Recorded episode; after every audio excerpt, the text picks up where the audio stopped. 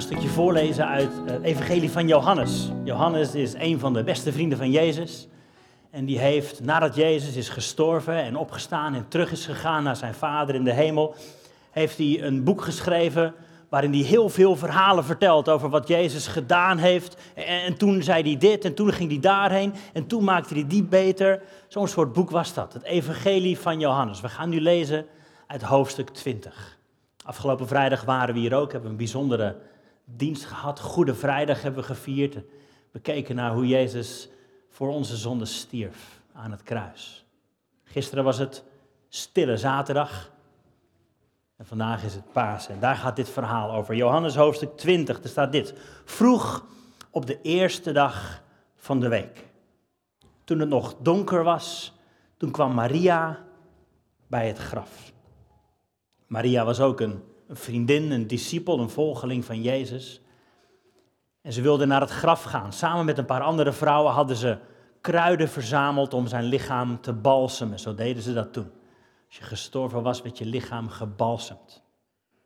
Dus Maria kwam vroeg in de morgen bij het graf, maar toen zag ze dat de steen van de opening was weggehaald.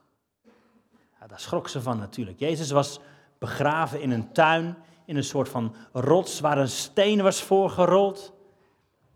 Maar toen ze kwam, was de steen weggerold. En dat kon maar één ding betekenen. Ze hadden zijn lichaam gestolen. Dat is het eerste wat Maria dacht. Daar schrok ze van. En wat ze deed, staat hier. Ze liep snel terug naar Simon Petrus en een andere leerling van wie Jezus veel hield. Mag je drie keer raden over wie Johannes het hier heeft? over zichzelf, ja.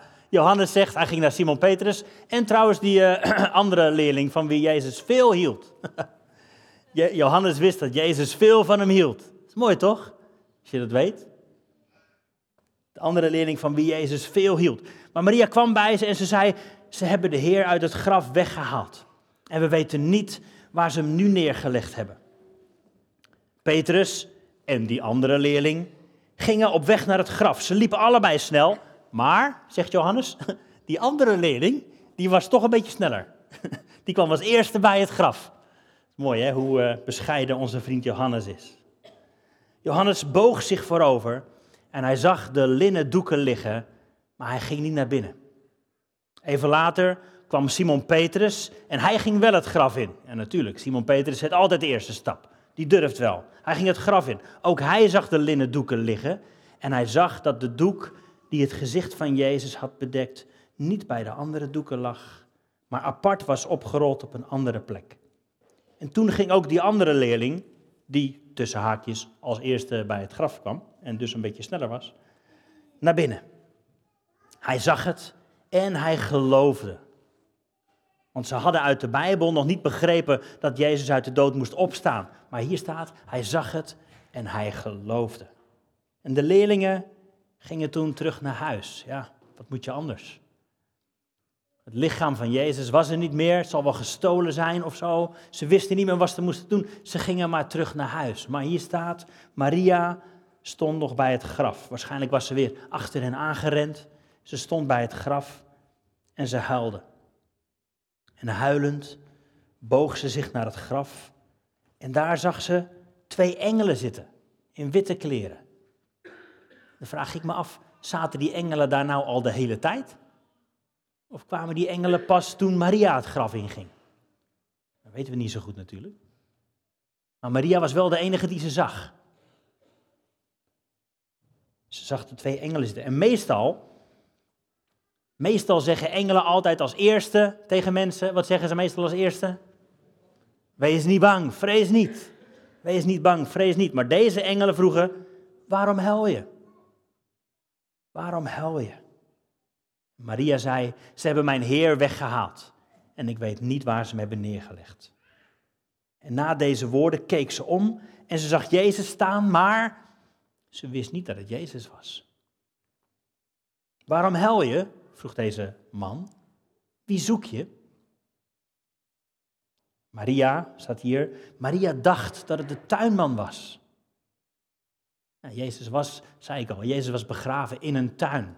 Een grote tuin ja, en waarschijnlijk werkte dan een tuinman. Dus Maria dacht, dit zal wel de tuinman zijn die hier zo vroeg is. Wie moet hier anders zijn? Dus Maria zei, als u hem hebt weggehaald, wilt u me dan vertellen waar u hem hebt neergelegd?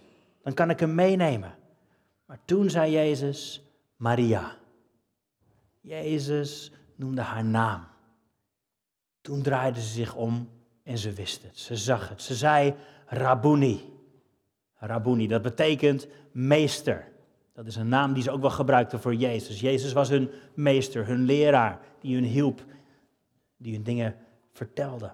Meester, ze wist het. Maar toen zei Jezus, hou me nog niet vast. Ik ben nog niet opgestegen naar de Vader. Maar jij, ga naar mijn broeders en zusters. Zeg tegen hen dat ik ga opstijgen naar mijn Vader, die ook jullie Vader is. Ga naar mijn God, die ook jullie God is. En Maria ging terug naar de leerlingen en ze zei, ik heb hem gezien. En ze vertelde alles wat hij tegen haar gezegd had. Ik heb hem gezien. Hij is opgestaan. Het lichaam is niet gejat. Het lichaam, Jezus is opgestaan. Hij leeft weer. De dood heeft niet het laatste woord. Hij leeft weer. Goede Vrijdag was niet het einde van het verhaal. Het boek ging verder. De bladzij werd omgeslagen. Hij leeft weer. Stille Zaterdag is voorbij. Hij leeft. Dat is wat Maria mocht vertellen. Het is natuurlijk in die tijd bizar dat een vrouw iets mocht vertellen. Maar zij was de eerste die gezonden werd op pad. Ga vertellen dat Jezus is opgestaan uit de dood. En dat verhaal is sinds die tijd nooit meer gestopt. Sinds die tijd hoor je overal in de wereld, hij is opgestaan. Hij leeft. Goede Vrijdag was niet het eind, Stille Zaterdag was niet het eind. De dood heeft niet het laatste woord. Amen. De dood is niet het eind, ook vandaag niet, ook voor jou niet. Hij leeft. Hey, Maria dacht dat Jezus een tuinman was.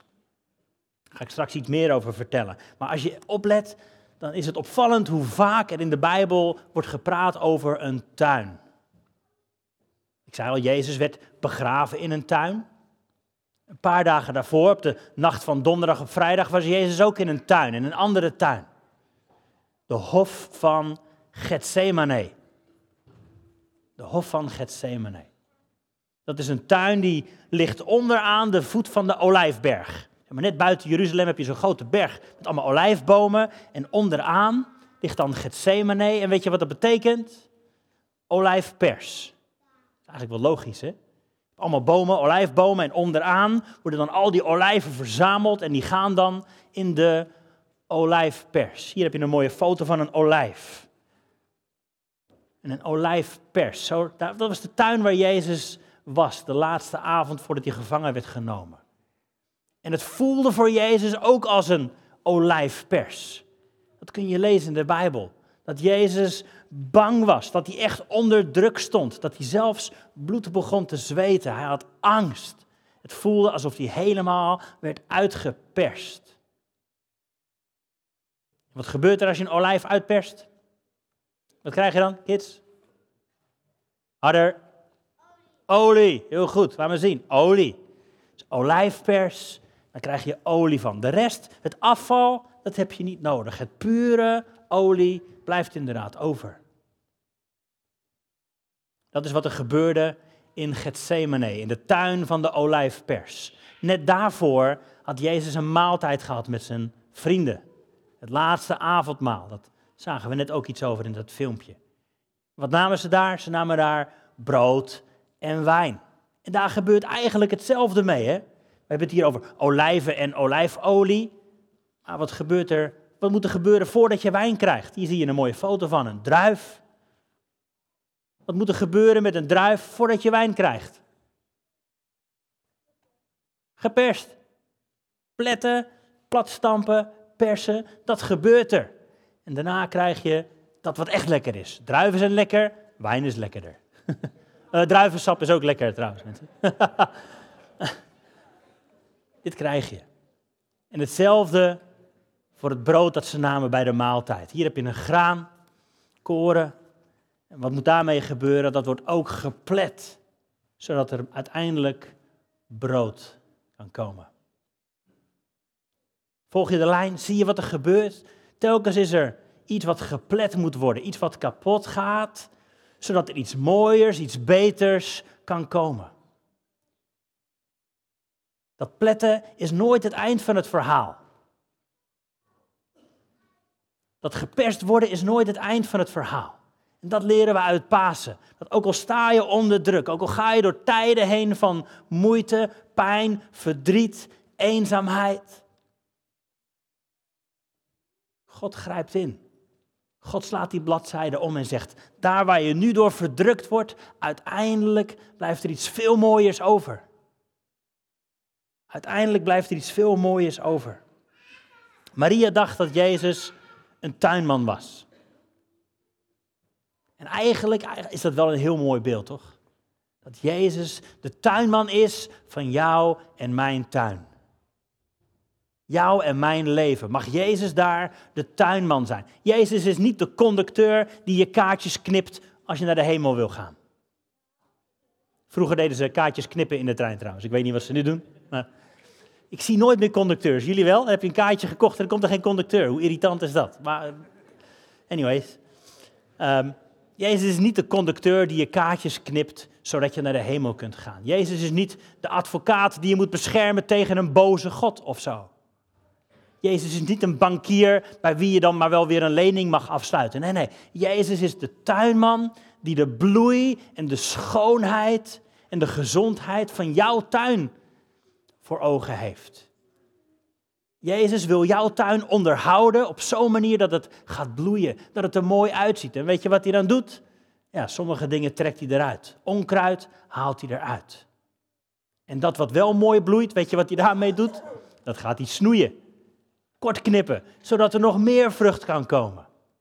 Dus ook al zijn er in jouw tuin tijden dat je voelt, oeh, de tuinman komt langs. Hij is aan het snoeien, hij is aan het knippen, hij is, hij is alles aan het veranderen. Maar dat doet hij omdat hij jouw tuin wil laten bloeien. En dan ga je heen door tijden van pijn, verdriet. Maar je bent nooit alleen. De Bijbel zegt, we hebben geen hoge priester die niet weet hoe wij ons voelen. Jezus is door precies hetzelfde heen gegaan. Hij weet wat het is om eenzaam te zijn, om bang te zijn, om verpletterd te worden. Maar het is nooit het eind van het verhaal. Dat is het nieuws van Pasen. Dat is wat we vandaag vieren. Jezus is door de dood heen gegaan, zodat wij met Hem door de dood heen kunnen gaan in een nieuw leven. Dat we kunnen opstaan in een nieuw leven. In het verhaal van Gert hoorde je dat ook heel mooi. Er is een nieuw begin. Dat de vader zegt, joh, kom maar. En dan is nog niet alles voorbij. Zomaar van de een op andere dag. Het is een proces. De tuinman gaat niet in één keer alles veranderen. Hij gaat stukje voor stukje snoeien, bijknippen, wat nieuws planten, zodat je leven schitterend wordt.